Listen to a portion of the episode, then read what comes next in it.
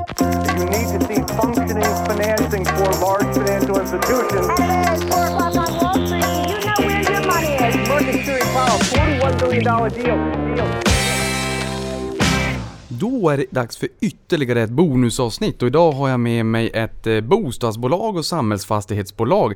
SBB, Samhällsbyggnadsbolaget i Norden, har ett börsvärde på 5,6 miljarder, 2046 aktieägare på Avanza och med mig har jag VD Ilja Batljan. Varmt välkommen! Tack så mycket Niklas. Kul att ha dig här och vi gör som alltid, vi börjar från början. Vem är Ilja? Ja, eh, Ilja är en uh, invandrad uh, räknenisse som uh, har tillbringat uh, en stor del av sitt liv och forska om äldre och demografi. Sen är jag pappa och jag är också gift och jag tillbringar väldigt mycket av min tid i bilen när jag kör runt och tittar på fastigheter. det är vad vi brukar kalla för due diligence. Jag älskar det man åker runt och tittar på. Det är ju faktiskt just tillgång av fastigheter. Det är någonting man kan se och ta på. Det står ju där det står helt enkelt. Absolut och, och jag, kan, jag kan alltid berätta för uh, investerarna att uh, de kan alltid fråga mig om allt därför att jag har klappat varenda en. Men hur mycket smyger du runt och tittar på andras fastigheter då och känner att du vill... Väldigt mycket. Väldigt mycket. Så de som lyssnar på det här och jobbar i fastighetssvängen, de vet att då Ilja kan åka runt i sin bil där och titta på hm, det där kanske jag förvärvar. Men eh, du jobbar ju och är VD för SBB då, Samhällsbyggnadsbolaget i Norden. Berätta lite mer om verksamheten för de som inte känner till det sen innan. Vad gör ni för någonting? Samhällsbyggnadsbolaget i Norden, eh, eller SBB, är eh, ett unikt eh, svensknoterat bolag noterat på First North Premier som fokuserar på samhällsfastigheter i Norden och hyreslägenheter i Sverige. Därutöver bedriver vi också ett, ett aktivt fastighetsutvecklingsarbete där vi skapar byggrätter för hyresrätter och samhällsfastigheter från kassaflödesfastigheter. Det vill säga om det ligger i någon eh, central del av någon stad i regionstad i Sverige, lite gammal industri och lite lite halv, eh, hur ska man säga, halvdåliga lokaler. Då ser vi till eh, att köpa upp detta, då har vi kassaflöde och så småningom gör vi om detta och ändrar detaljplan och sen fortsätter vi till exempel att utveckla det, till exempel med HSB eller med några andra stora svenska fastighetsaktörer. Men, men kan man väl säga där också, när ni köper upp de här lokalerna som kanske är lite avsides eller vad det kan tänkas vara, man tänker inte riktigt bostäder när man ser det. Om det är så att det finns hyresgäster redan i dagsläget som kanske driver något plåtslageri eller vad det kan tänkas vara, nu kanske det är ett dåligt exempel förvisso, men eh, hur behåller man dem och, och hyresgästen och, och, och gör om det här till borätter den dagen när de lämnar, eller hur ser det ut där? Det är en väldigt uh, viktig fråga Niklas. Det, det, vi gör, eh, vi köper oftast de här uh, i bästa lägen. Till exempel om du är i centrala Nyköping brukar jag säga och tittar uh, och är på centralstationen, tittar uppemot uh, regionsjukhuset och allt du ser äger vi. Och då har vi till och med egen ingång till, till centralstationen. Och det, det vi gör det är att vi tillsammans med, med kommunen gör om detta så det blir en detaljplan för bostäder och, och eh, samtidigt har vi kassaflöde under hela perioden. Det var det ordet som du kommer att höra mig mest gånger säga, det är just kassaflöde. Därför att eh, det, det, är det som är själva poängen med vår verksamhet, att ha låg risk med väldigt, eh, väldigt starka kassaflöde. Och den här fastighetsutvecklingsverksamheten blir extra krydda på toppen och då jobbar vi tillsammans med de hyresgäster som finns i området att hitta alternativ till dem så småningom när det ska byggas uh, hyresrätter eller bostadsrätter. Och de här hyresrätterna eller bostadsrätterna som byggs då, för nu pratar du byggrätter där och det är väl en byggrätter, en möjlig bostad så att säga? Det stämmer. Kommer ni att, att behålla det här? Säg att ni då bygger det här och ni nej, bygger bostäder? Nej, nej, nej. Då säljs det? Nej, nej, men vi är, vi är en låg vi är ett lågriskbolag eh, och eh, vi börjar sälja faktiskt byggrätter innan, innan de är klara och eh, ah. trots att det här är för oss bara en, en liten del av verksamheten tillhör vi de aktörer som har sålt mest byggrätter under, under de senaste två åren. Jag tror att vi har sålt byggrätter för cirka 1,1-1,2 miljarder. Okej, okay. men ni tar, rätta om nu om jag har fel, för nu här är jag ju lekman självfallet då, men ni tar den större risken då, eller att ni... Vi tar aldrig risk. Det, det, vi, det, och det, det, som, det som vi gör, det är att vi har kassaflöden under, under perioden och sen eh, vill vi gärna gå tillsammans eller sälja till stora aktörer som sen som har eh, byggkompetens, som har kompetens när det gäller eh, att både bygga och sen eventuellt sälja bostäder. Så att vi eh, säljer hellre lite billigare och eh, sen kanske vi får lite uppsida när det är klart än, eh, än tar risken.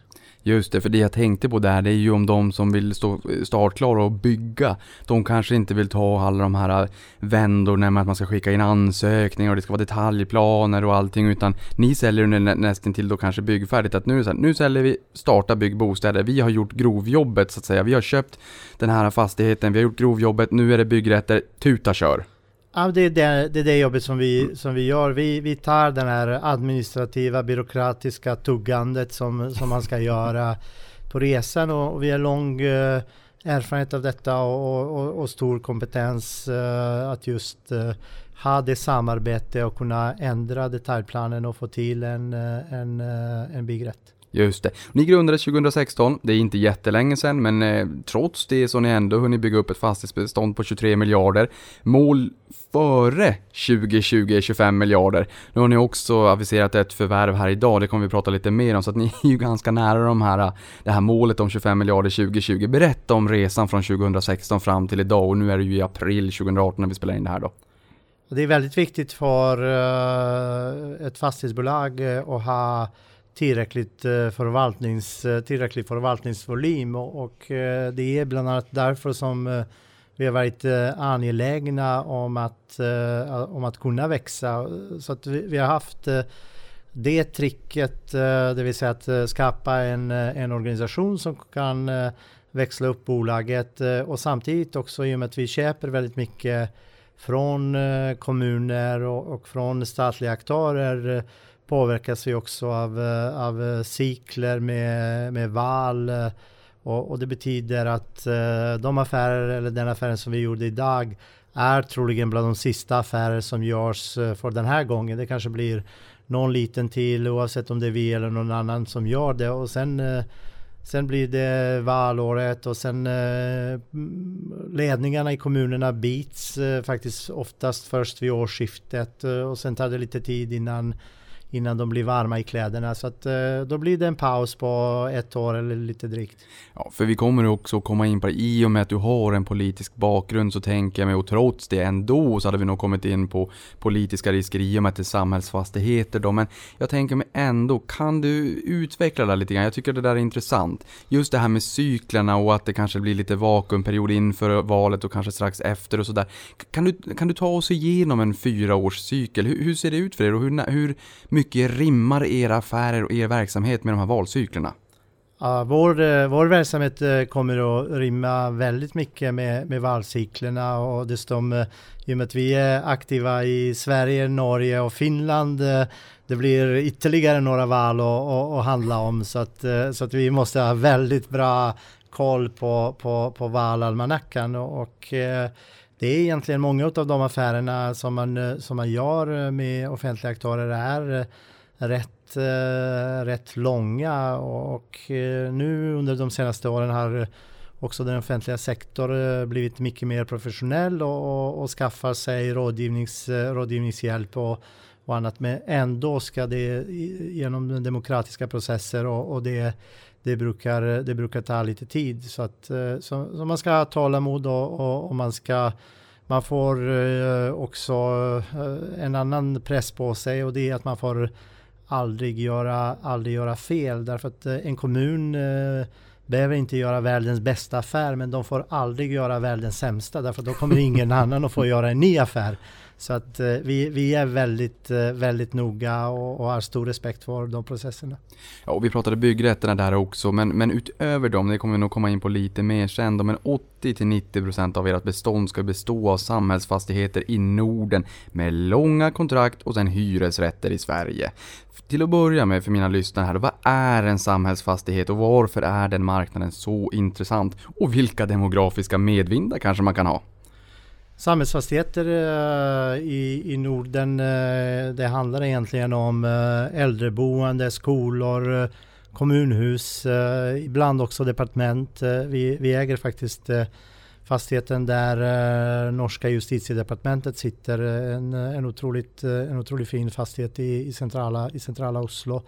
Och de här fastigheterna är egentligen en exponering mot, eh, mot eh, de nordiska välfärdsstaterna. Därför att eh, eh, stor del av våra intäkter, vi har väldigt lite indirekta intäkter som är finansierade via skattesedeln utan det mesta kommer från kontrakt med, med kommunerna och, och staterna i Norden. Och jag hävdar att det här är troligen eh, världens eh, tryggaste exponering därför att eh, de nordiska välfärdsekonomierna är länder med relativt låg statsskuld med höga skattekvoter och eh, väldigt eh, transparenta. Så alltså att eh, där är samhällsfastigheter är en relativt ny investerings, investeringsprodukt och eh, med relativt låg risk.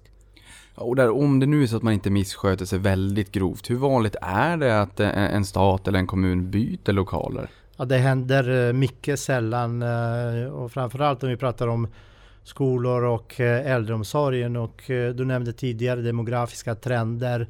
Båda de här delarna av samhällsfastighetssektorn påverkas väldigt kraftigt. Vi har kraftigt ökande åldrande befolkning i alla de nordiska länder. Det kommer att finnas stora behov av eh, äldreboende. Vi har också i de nordiska länderna väldigt många skolor som är byggda på 70-talet och, och början på 80-talet och där det kommer att börja byggas nya och eh, renoveras. Så att, uh, där är verkligen områden där det finns en, en stark demografiskt driven utvecklingspotential. Ja, du sa någonting väldigt intressant där som jag fastnade lite grann vid och sa att det, det, är en ganska ny marknad det här med samhällsfastigheter. Ehm, är det någon form av avreglering, omdaning? Är det, är, det någonting som har gjort att den här marknaden har öppnat upp sig? Eller eh, berätta, är den... Ja, men det är, eh, Niklas, det där är en viktig fråga i sammanhanget. Jag, jag tror att eh, jag började intressera mig för samhällsfastigheter när jag doktorerade på demografiska modeller för att skatta framtida behov av vård och omsorg så, så sent som, eh, som 2007 och eh, när jag började lyssna runt det var nästan ingen som, eh, ingen som brydde sig om samhällsfastigheter och det var ingen som ville investera. Investerarna var rädda för politiska risker, de var rädda för allt, att det blir för mycket byråkrati och så vidare. Så att, och jag tror faktiskt att det är också som har gett namnet samhällsfastigheter när jag började på, på, på Rikshem därför att jag försökte hitta ett namn som skulle istället för den här eh, för, för englens, engelska översättningen publika fastigheter som, som jag tycker inte, inte berättar om, om själva innehållet. Därför det, själva kärnan i, i detta är att det är fastigheter där man bedriver samhällsservice. Mm, och det är någonting annat också som ni har exponering mot är ju hyresbostäder. Och där kan man väl säga att bland det tryggaste man kan ha är väl kanske hyresbostäder i storstäder. Men jag tänker ju också på hyresregleringen i Sverige som många klagar ganska mycket på till och från. Eh, och att man kanske inte får ekonomier och sådär. Men jag menar, ni hämtar ju 32% av intäkterna från just bostäder. Hur ser du på den här marknaden? De svenska hyresrätter är eh, troligen Eh, Eh, en av världens eh, tryggaste investeringar och eh, just tack vare regleringen.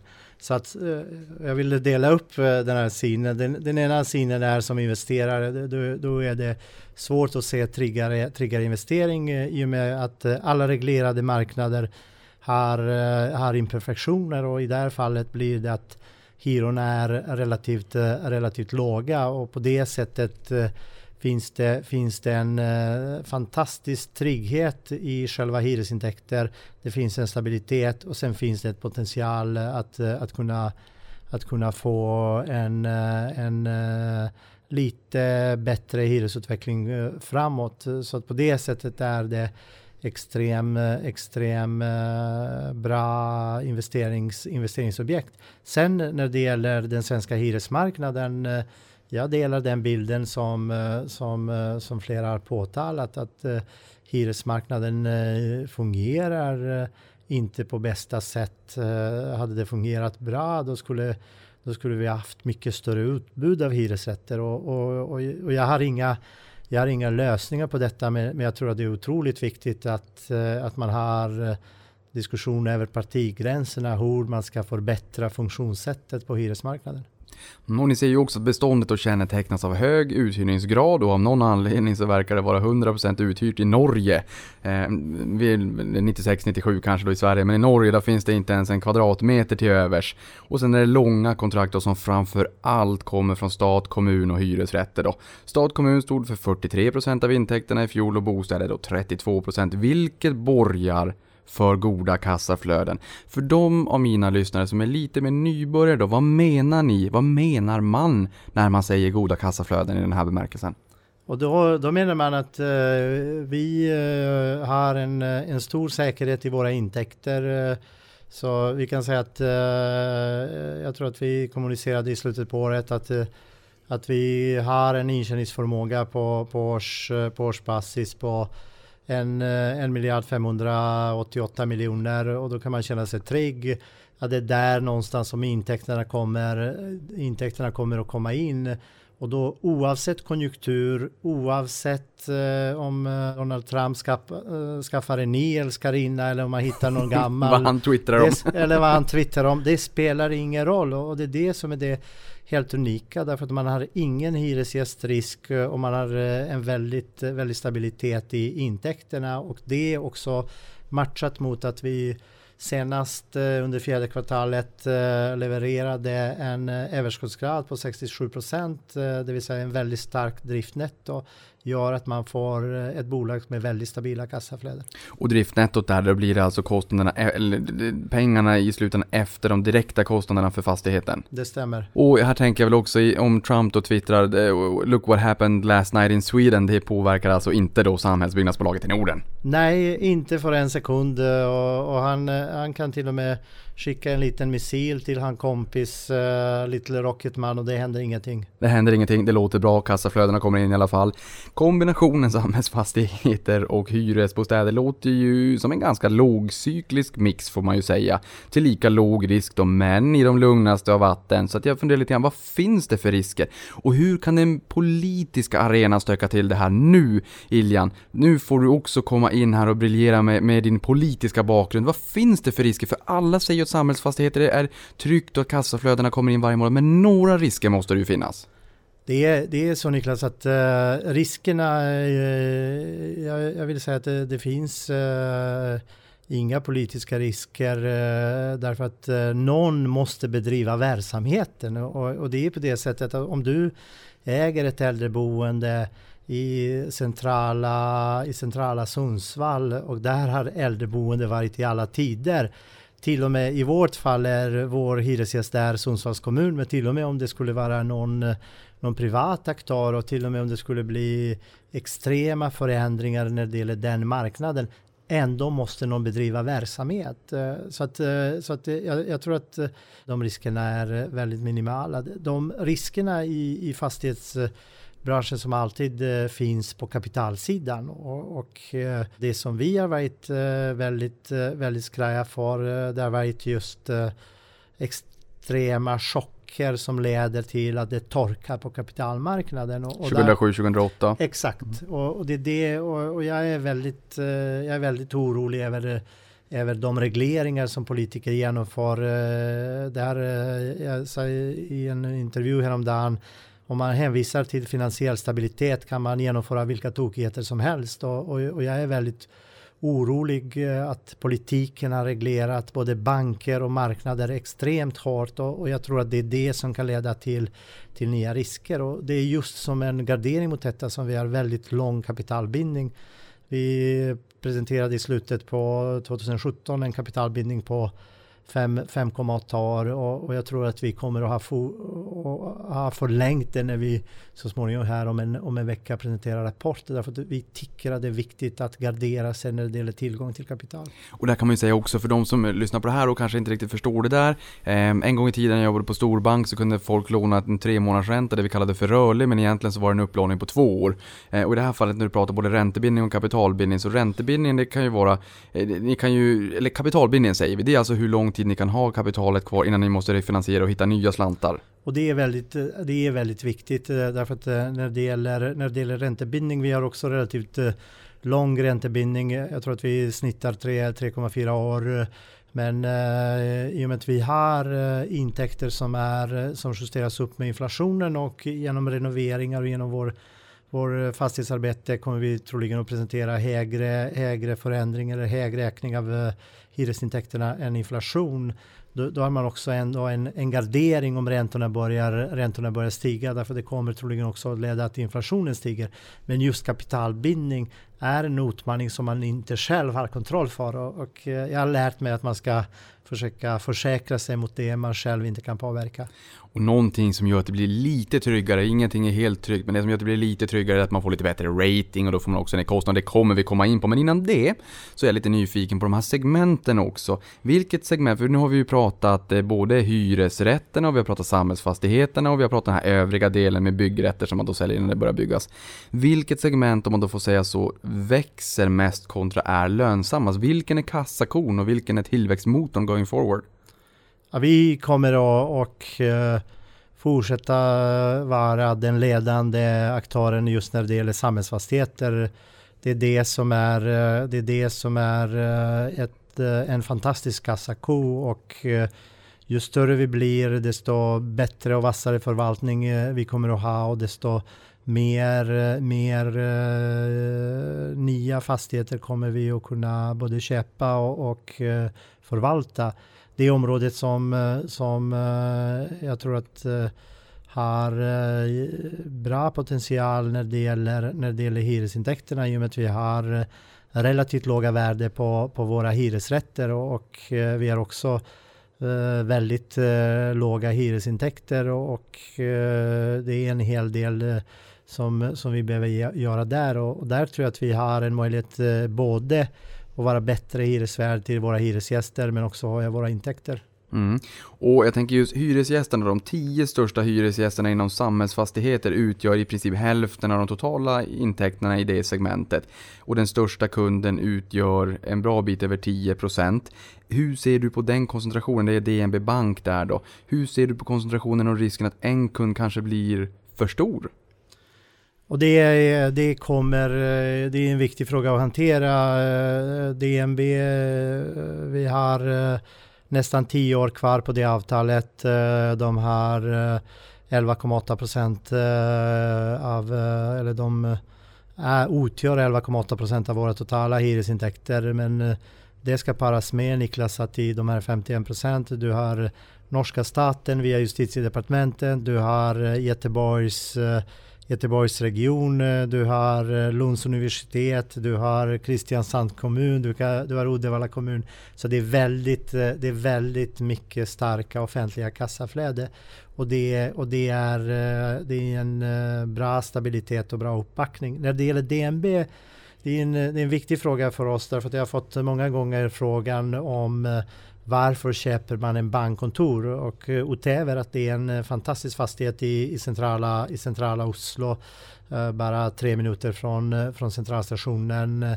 Det är också en, en annan koppling och det är nämligen att DNB är den enda banken i Norden som har mer eller mindre implicit statlig garanti bakom sig. Och det är till exempel därför som Standard Poor's när de ratear DNB att de uh, höjer deras rating ett grad beroende på den här kopplingen till norska staten och därutöver äger norska staten uh, direkt eller indirekt 40% av banken. De är too, too big to fail på riktigt? De är too big to fail på riktigt och de är troligen den enda statliga banken i Norden. Hmm, intressant. Eh, och marknaden då för samhällsfastigheter, hur ser den ut och vem är säljare när ni förvärvar de här nya objekten? Och hur ser konkurrensen ut när man är ute och jagar de här objekten som kommer ut? Det är, eh, säljarna är oftast eh, kommunerna eller, eller eh, kommunala bolag. Vi köpte senast i morse två äldreboenden i Karlskrona, en med 10 års avtal och den andra med, med, med 25 års avtal. Och, och konkurrensen, konkurrensen är väldigt hård. Du, du har två stora aktörer ägda av, av stora pensionsfonder, eh, Hemse och Rikshem eh, och sen har du ytterligare ett, eh, ett listat bolag, eh, Hemfosa och eh, sen får vi eh, också mellan varven internationella aktörer som, som, som kommer in och, och bjuder på, på väldigt, väldigt låga nivåer. vi sålde nyligen en, en, en skola i Kristiansand i Norge därför att vi fick ett, ett, ett väldigt bra bud från, från en internationell aktör. Och den där skolan också, kan du utveckla det lite grann? För jag har förstått att det fanns ett visst signalvärde också med att ni faktiskt sålde den där. Ja, det är faktiskt, det där, den där skolan, är, den enda anledningen varför jag sålde den var utifrån omsorg om, om mina aktieägare därför att på, den, på, den, på den tiden hade vi en, en substans, substansrabatt i kursen på, på 25 procent eh, och eh, om du tänker dig att vi fick eh, 6% mer betalt eh, över den senaste externa värderingen och sen hade vi en valutaeffekt på ytterligare 7 Så att då, om, du, om, du, om du bara räknar på det då, då, då kunde du köpt den där skolan på börsen 38% billigare och det är väldigt, väldigt billigt. Ja, för det där är lite intressant också. Vi kan ta den frågan redan nu. För att det, är, det var en artikel i Dagens Industri av Magnus Dagel där det står att ni handlas till substansrabatt om 25% eller gjorde vi årsskiftet då. Vad beror det på och vad gör ni för att minska den här rabatten? Eh, och samtidigt, hur påverkade det då när man sålde den här fastigheten?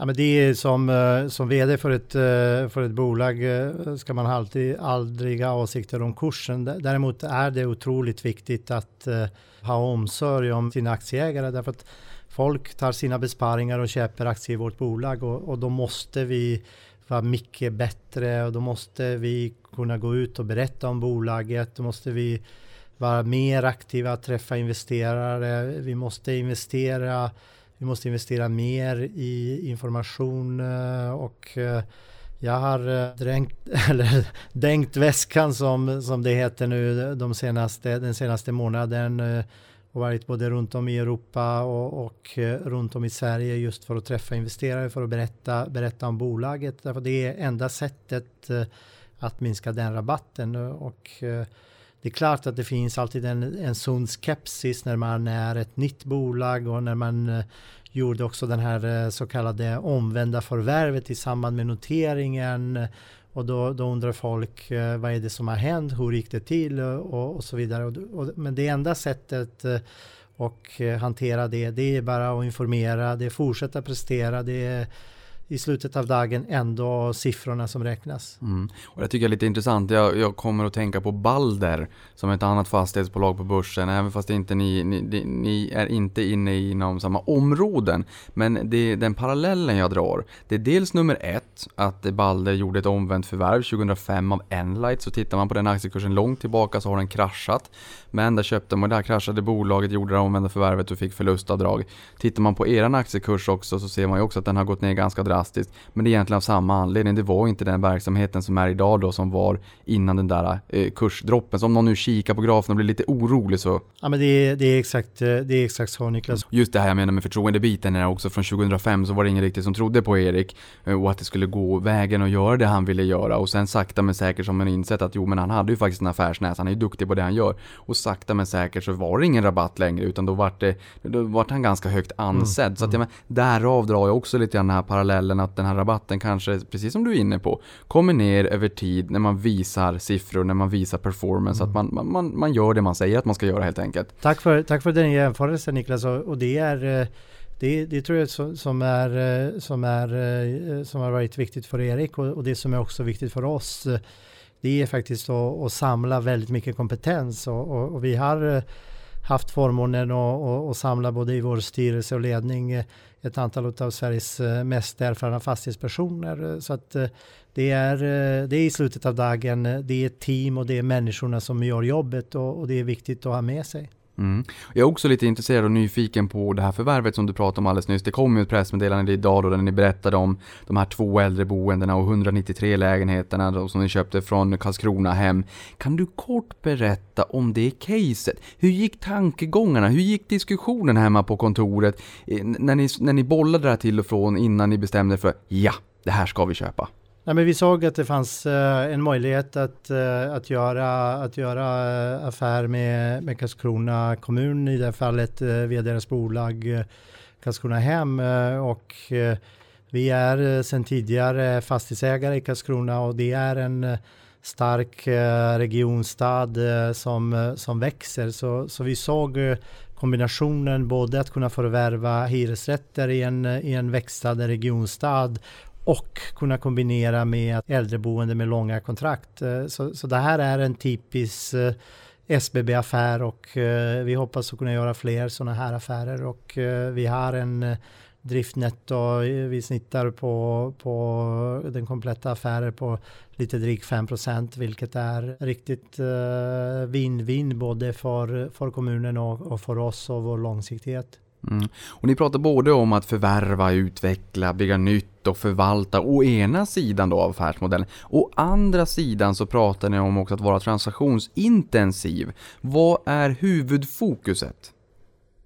Huvudfokuset kommer eh, alltid, eh, alltid att vara långsiktig, eh, långsiktig förvaltning men i kapitalintensiva branscher ska man inte ska man inte glömma transaktion. Det, det är på det sättet att transaktion är en, en, viktig, en viktig krydda. Det är ett sätt att parera marknaden, det är ett sätt att, att parera risker. Så att eh, ett, eh, ett långsiktigt eh, förvaltningsbolag med, med lite krydda i form av transaktion och fastighetsutveckling. Mm. Och sen tänker jag också på just direktavkastningen då. Då tänker jag ju inte på direktavkastningen på en vanlig aktie utan Eh, när ni köper en fastighet så säger ni har intäkter, ni har lite kostnader, sen har ni ett netto där på sista raden och det i förhållande till, till intäkterna så att säga. Nej, i förhållande till vad ni köpte fastigheten för, förlåt. Ehm, eh, på beståndet och gick ner från 5,6 ner till 4,8% i fjol. Eh, kanske beroende på stigande marknadsvärden, men, men till vilken direktavkastning vill ni köpa? När gör det ont? Liksom, vilken nivå är det hit ner men inte längre, då köper vi inte? Först eh, Niklas, när det gäller, när det gäller jämförelse fjärde kvartalet 2016 2016 eh, var vi ett, eh, ett litet bolag så att eh, den, den direktavkastning är inte direkt, direkt jämförbar. Ja, växtverk. Ja, men det, det är väl, det är väl framförallt har man, har man mindre bestånd då, då, då, då, är det väldigt, då är det väldigt lätt att, att, man, har, att man har lite högre, lite högre avkastning. Men eh, om man jämför eh, första kvartalet 2017 som eh, där vi hade ändå fastigheter för 14-15 miljarder. Då hade vi en direktavkastning på, på 4,7 procent och vi slutade året på 4,8 procent. Så att vi tillhör de bolag som under året har både lyckats göra nyuthyrningar och, och lyckas göra en hel del renoveringar och på det sättet höja hyresintäkter och kunna leverera en högre direktavkastning i slutet på året än, än under första kvartalet 2017 när det gäller eh, smärtgränsen eh, som sagt, vi är en eh, kassaflödesmaskin och är man kassaflödesmaskin då vill man ha kassaflöden hela vägen och, och vi köper aldrig under 4 så att det är, det är vår, vår nedre gräns. Ni köper aldrig under 4% och sen har vi lite belåning också. Vad får vi för räntabilitet på det egna kapitalet i investeringen när ni köper fastigheter? Vad, vad skulle du säga att det landar på? mellan tummen och pekfingret? Ja, men vi, vi har sagt att vi ska i snitt leverera mer än, mer än 12, mer än 12 procent eh, i tillväxt på substansvärdet så att det är där någonstans 10 till 12 procent. Mm. Och bara för att tisa ytterligare en gång, ett sätt att göra det är också att få ner kostnaden för finansieringen och få upp kreditbetyget. Men vi är inte där riktigt än, jag har det på min agenda. Innan dess kommer vi prata om antalet objekt till salu i marknaden. Har det ökat eller minskat på senare år och vad tror du om framtiden? Ja, det har varit eh, rätt trögt eh, första, första kvartalet. Eh, och eh, det ska bli intressant så småningom att se statistiken för för första halvåret om, eh, om det händer lite nu när det börjar bli varmare väder och, och jag tror att väder spelar också stor roll. Eh, när, när rapporterna kommer kommer vi så småningom se också att höga kostnader för, eh, för värme och, och el och, och det som är exceptionellt i år det är inte bara att man har haft de här kostnaderna väldigt höga januari, februari utan också hela mars. Så att det har varit ett annorlunda, ett annorlunda år på det sättet och, och jag tror diskussionen kring fastighetsbolagen, eh, utvecklarnas, eh, utvecklarnas problem eh, och eh, lite, lite allmän, allmän avvaktande stämning. Mm. Och du nämnde här tidigare också en eh, börsnoterad kollega då, Hemfosa och sen blir det ju Nyfosa helt enkelt sen då också. Men eh, jag tänker så här, hur differentierar ni er på marknaden? För att jag tror att många som lyssnar på det här kommer tänka på att jämföra er med Hemfosa för att man har hört samhällsfastigheter och Hemfosa i samma mening. Hemfosa är ett eh, fint samhällsfastighetsbolag men har också, eh, och det är viktigt i sammanhanget, den här delen med som är Nifosa som, som, inte, är, som inte är samhällsfastigheter och, och vår differentiering är just att vi har eh, utöver eh, samhällsfastigheter med, med långa, långa kontrakt också ett bestånd med, med hyresrätter och, och det ger också oss starkare möjligheter att göra, göra kommunaffärer och göra kombinerande affärer.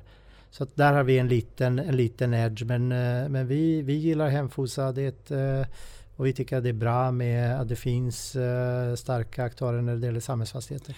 Och det är nästan, du behöver inte kommentera det här i och med att det är en konkurrent, men det är ju nästan så att man skulle kunna säga allt annat lika. Att risken minskas lite grann i och med att ni har hyresbostäderna med, som genererar kassaflöden. Helt enkelt. Även om det är långa kontrakt på samhällsfastigheterna.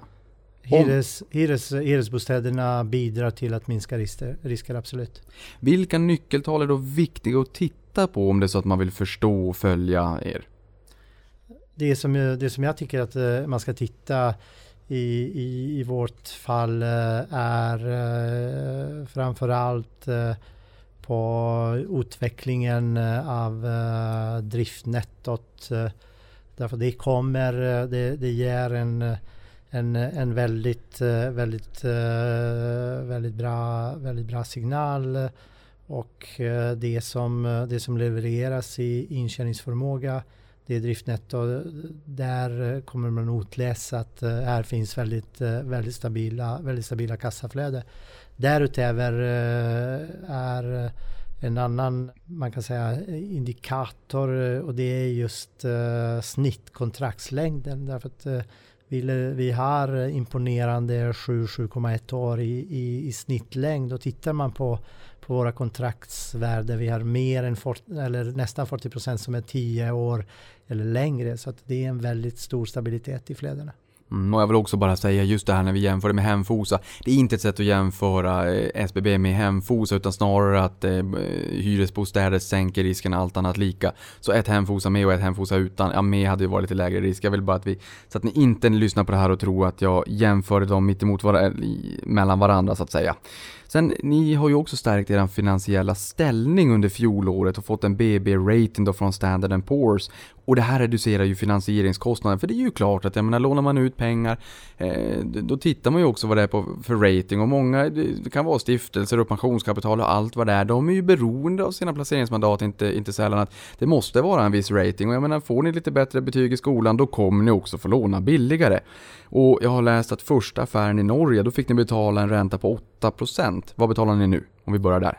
Ja, på samma, på samma löptid uh, gjorde vi senaste obligationer på 2,65. 2,65, det är betydligt lägre än 8% då. Hur länge kan det här pågå? Vad, vad, tror du att det är? Om vi ska... Men, det, är inte, men det, där är, det där är viktigt Niklas, eh, om, jag, om jag får bara bryta in i just, just där det gäller pågå. Därför att det här den här har inget att göra om, om, om låga räntor. Det har inget att göra om marknaden utan det här har bara haft att göra med vår mognad som bolag. När vi var väldigt unga och inte hade tillräckligt med, tillräckligt med egen equity och behövde låna för att kunna göra en affär, i det här fallet i Norge när vi köpte norska justitiedepartementet, då behövde vi 200 miljoner till och då lånade vi dem och fick betala 8% i ränta.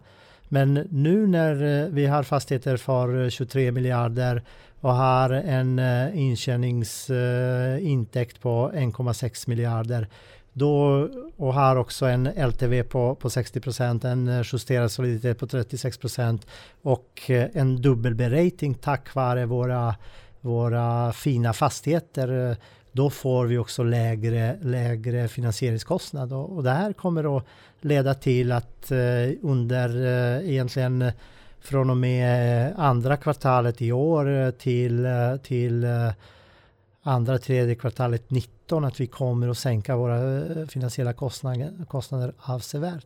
För det kan man säga där också, LTV, då, loan to value, alltså belåningsgrad på 60% och sen soliditeten på 36% justerat där då egna kapitalet i förhållande till balansomslutning, totala tillgångar. Fram till 2019 där, är sänkningen beroende på att ni har räntor som, som förnyas så att säga eller, eller beror det på att ni tror att ni kommer få, är BB slutfasen eller? Nej, nej, nej, BB är inte slutfasen utan BB, WB-rating är egentligen eh, en, eh, en, eh, en början. med det som, det som vi gör nu det är att vi började återköpa obligationer redan under, under fjärde kvartalet förra året. Vi har fortsatt under första kvartalet i år trots att detta leder till kortsiktigt högre, högre finansiella kostnader. Vi har också köpt tillbaka en del mezzaninlån trots att ibland vi betalar lite straffränta någon, någon månad. Men vi genomför ett, ett aktivt arbete när det gäller att växla om eh, och ta bort eh, i stort sett eh, alla lån som är för att börja med högre än, än 3,75 som är, som är möjliga, möjliga att ta bort. Och Eh, det är, det är en del i detta, det vill säga att eh, aktivt städa bort de, de kostsamma lånen. Och den andra delen är att eh, sänka belåningsgraden och på det sättet förbereda bolaget för att vi har som mål att under det här året förbereda bolaget för in, en investment grade rating och det skulle bidra att vi kan sänka våra kostnader ytterligare. Mm. För det där är ju rätt intressant kassaflödet, det kommer mer pengar in på kontot varje månad, bättre rating, det vill säga att man och har ett, ökat förtroende för det, det sänker räntekostnaderna. Som mina lyssnare, man går till banken och sen så får man lite sänkt ränta på bolånet och de pengarna som frigörs tar man i sådana fall till att betala bort eh, lånet som man har på kreditkorten som är 10, 11, 12 procent. Så de dåliga lånen inom citationstecken, de dyra, de, de tar ni bort på en gång. De, eh, de kommer vi, vi att ha rensat eh, Uh, i och med tredje kvartalet, tredje kvartalet i år. Vi, vi har eh, ett lån på, vi har betalat tillbaka nästan 100 miljoner. Vi har 88 kvar som betalas i oktober. Vi har en obligation som, som varit på 600 miljoner. Vi har betalat tillbaka 294. Den kommer att, att betalas tillbaka här i juni. Så att eh, vi, vi håller på att städa bort. Och ni har ju då en belåningsgrad som vi var inne på, på 60% och soliditeten här på 32%, justerat 36%. Vilka nivåer satsar ni på långsiktigt? Vad, vad, tyck, vad tycker du är en, en långsiktig vettig nivå att ligga på? För oss, eh, och det, och det är ju också en, jag hade ju faktiskt tidigare idag eh, en, eh, en, eh, en, eh, en annan intervju med, med, en, med en utländsk journalist och, och, och då kommer vi prata om just belåningsgrader och jag tycker att lågriskbolag som har hyresrätter och samhällsfastigheter ska kunna ha en eh, lite högre belåningsgrad därför att eh, vi har ingen capex som det heter. Det vill säga våra hyresgäster sitter under lång tid när man behöver göra någonting då gör man det i samband med investeringar och det är skillnad mot, eh, mot kommersiella fastighetsbolag. Men eh, jag tycker att vi behöver sänka belåningsgraden i slutet på 2018 med 3-3,5 procentenheter ligger någonstans kring 50, 56, 57 procent och då kommer vi att kunna konkurrera om att få en, eh, en investment grade rating. Och just den här capex-cykeln då, jag menar du sa ju nyss här att eh, kontrakterna löper på i snitt 7,1 år, många som ligger 10 år och bort över. Det innebär ju då att ni, ni inte behöver göra investeringar speciellt ofta för de, de är ju då så länge. Nej, och det, och det är det som är också stor skillnad mot eh, just kommersiella bolag där, där både hyresgästen och fastighets, fastighetsvärden alla har incitament för, för att ha kortare kontrakt. Här, eh, och därmed drabbas eh, hyresvärden förstås av, av capex och behöver, behöver eh, adaptera och hyresgästanpassningar med mera. Här har du långa fläden där både hyresgästen och hyresvärden vill ha långa fläden. Sen har ni ju en preferensaktie också som ger en utdelning på 35 kronor per aktie och det är 333 205 aktier, preferensaktier då i slutet på förra året. Eh, vilket kostar då inom citationstecken 11,6 miljoner kronor om året för de ska ju ha sin utdelning då. Eh, vilket man har förtur till och det är en direktavkastning på 6,21% till en kurs på 563 kronor. Om ni har kikade för er som lyssnar på det här så får ni det serverat. Eh, kommer ni ju använda preffarna som en finansieringskälla framgent? Eller kommer ni i takt med de här bättre ratingen försöka hitta funding på annat håll? Ja, det, är, det är rätt Niklas. Eh, vi, vi, kommer, eh, vi kommer inte använda preffarna utan eh, det instrument som, som vi ser att vi kommer använda framåt det är hybridobligationer eller, eller som, som också ibland kallas för, för perpetuals, det vill säga obligationer där som inte kan, eh, inte kan sägas upp av, eh, av kredit, eh, kreditgivaren. Och de här hybridobligationer är en väldigt, väldigt tacksam finansieringsinstrument. Och vi gjorde nu senast en, en hybrid, vi, vi gjorde vår första hybridobligation på, på 7 procent. Och, och, nu gjorde vi senast omräknat någonstans kring 5,6 procent. Och, och i, med ratingen kommer vi att kunna ha den till eh, ännu lägre pris och, och, och, det är också så att eh, hybridobligationerna räknas eh, 100% som eget kapital och i ratingsammanhang